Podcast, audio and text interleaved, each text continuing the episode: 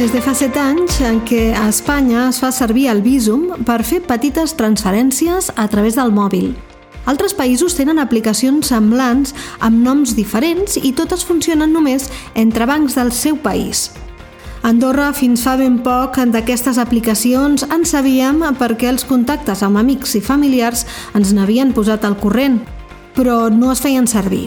Cap sistema similar entre bancs andorrans estava previst i en l'àmbit internacional ni es plantejava. Pensem que fins i tot les transferències internacionals fins fa ben poc també tenien comissió i força elevada.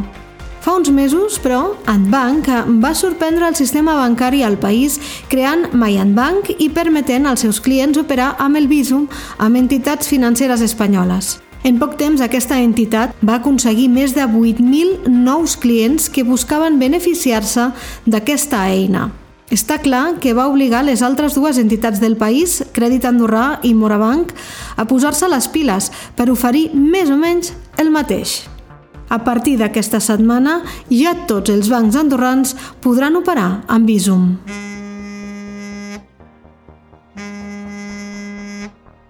Bueno, jo és que sóc de fora d'aquí, o sigui que ja l'utilitzava.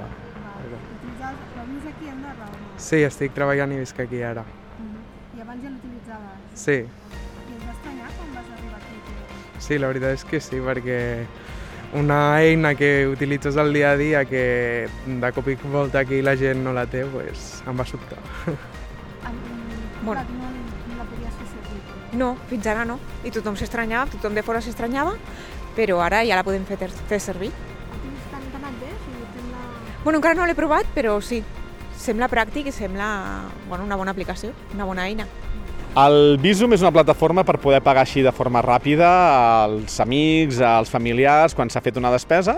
Jo què sé, doncs anem a sopar, ha costat eh, 100 euros, som quatre, doncs paguem cadascú 25 i fem una transferència així ràpida. Jo destacaria la immediatesa, és a dir, el fet de que ho puguis fer al moment i sobretot de que ho puguis fer amb, amb gent de baix. Som un país on tenim molts amics i familiars a Catalunya i a Espanya i eh, el fet de poder anar al cap de setmana a sopar i després no haver-te de preocupar de si pago jo amb la targeta andorrana o, o ja m'ho pagareu o he de treure diners, doncs facilita molt aquest, mm, aquesta gestió que al final acaba sent de pagar el que havíem fet sempre amb diners però que ho fem al moment amb el mòbil.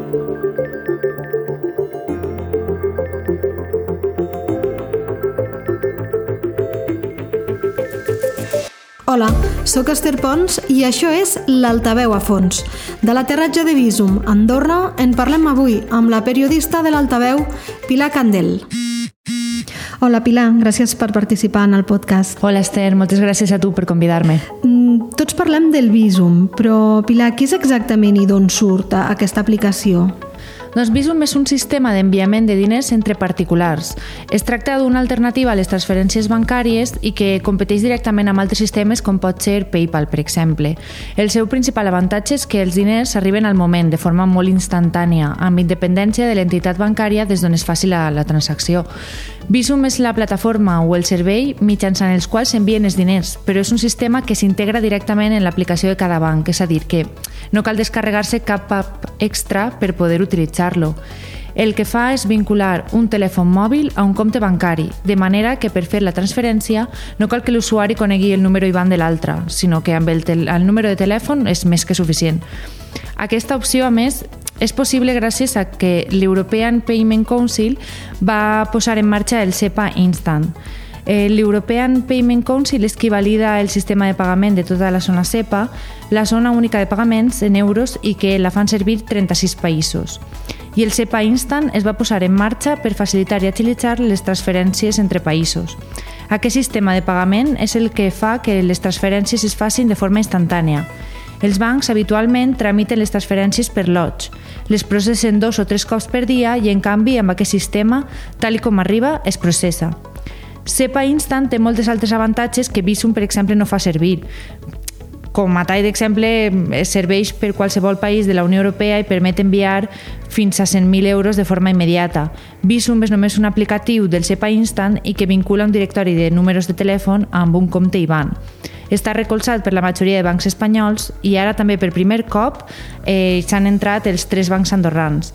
El primer en fer-ho va ser Antbank, que va ser el pioner, i la setmana passada Crèdit Andorra també s'hi va sumar. Aquesta, finalment, també ho farà Morabank. Més endavant, no es descarta que pugui passar a ser una aplicació europea perquè hi ha hagut iniciatives a altres països però sense tant d'èxit.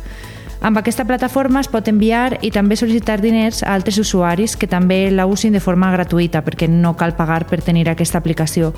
L'única condició és que l'altre usuari també tingui un compte en algun dels bancs que col·laboren amb aquest projecte. A més a més, també permet comprar online i enviar diners a ONGs. I quines limitacions hi ha d'enviament de, de diners o quins controls? I especialment en el cas d'Andorra, tenint en compte doncs, que eh, serien transferències internacionals. Doncs precisament d'això, Esther, n'he parlat amb el Daniel Martínez, que és responsable de digitalització de Morabank, i em va explicar això.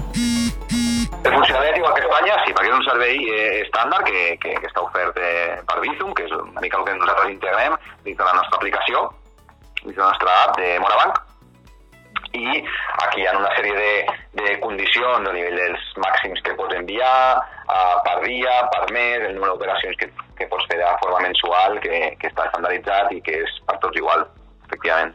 I no sé una mica si hi ha alguna quantitat de diners que surti d'Andorra que s'hagi de declarar a, a través de Bizum, estic parlant, eh? o si són quantiques com per exemple el que comentaves, 500 euros, tot això no cal arribar a declarar-ho? Final la, de, la declaració és la pròpia operativa. Eh, el, que pot passar, el que pot passar és que, com pot fer qualsevol entitat bancària, és demanar informació addicional quan considera que una operació eh, surt, de, surt dels límits establerts. Vale? Però aquests límits que hem comentat, a priori no, no hi hauria d'haver cap tipus de, de limitació i com ho estàs fent dins d'un entorn eh, regulat, doncs allò queda registrat, aquesta operació queda registrada i en qualsevol cas si s'ha de fer eh, si s'ha de fer alguna justificació del, del, del per què ja entraria dins dels processos normals, igual que quan envies una transferència a Espanya.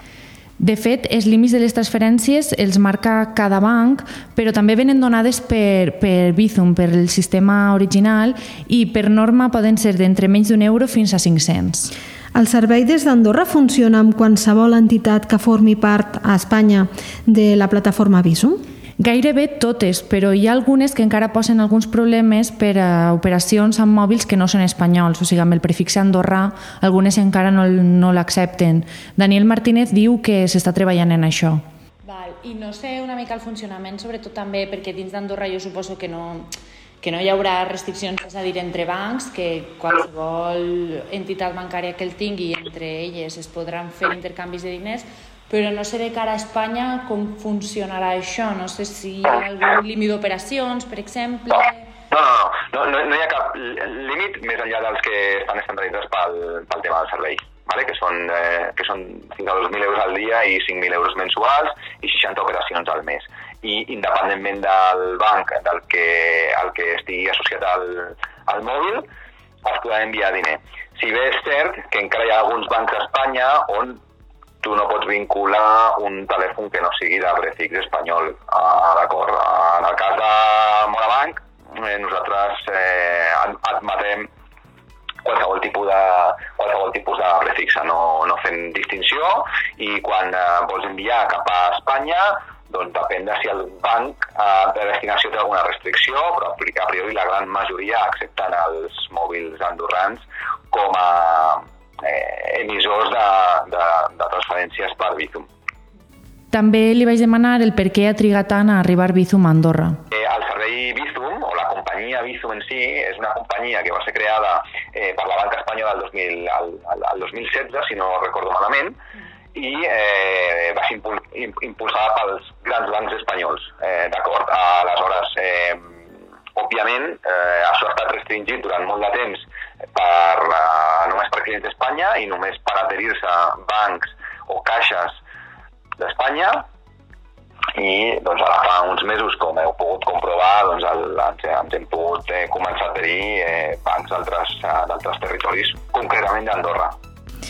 De fet, a Espanya aquest sistema està molt estès i em sembla que tu mateixa l'havies eh, fet servir quan, quan estaves treballant i vivint a Espanya. Sí, sí, tant, Esther. De fet, eh, és un sistema que jo he fet servir des de fa anys, sobretot amb les amigues quan surts a sopar i pagues conjuntament i et fas bizum, o amb la parella quan les despeses comunes, i fins i tot hi ha alguns eh, comerços, sobretot petits eh, empresaris, que fan servir també el bizum perquè els puguis pagar els productes o els serveis que els estàs comprant. I per les dades que disposem a Andorra, està clar que aquí també serà àmpliament utilitzat. Quan en Banc eh, ho va posar en marxa per primera vegada al país el mes de desembre, en només 4 dies, algunes de les xifres que es van facilitar és que hi havia hagut unes 1.000 transaccions per valor de prop de 25.000 euros. Així que tot pinta que aquí també serà un, un servei que, que es farà servir de manera generalitzada. Moltes gràcies, Pilar, per haver participat al podcast d'aquesta setmana. Moltes gràcies, Esther.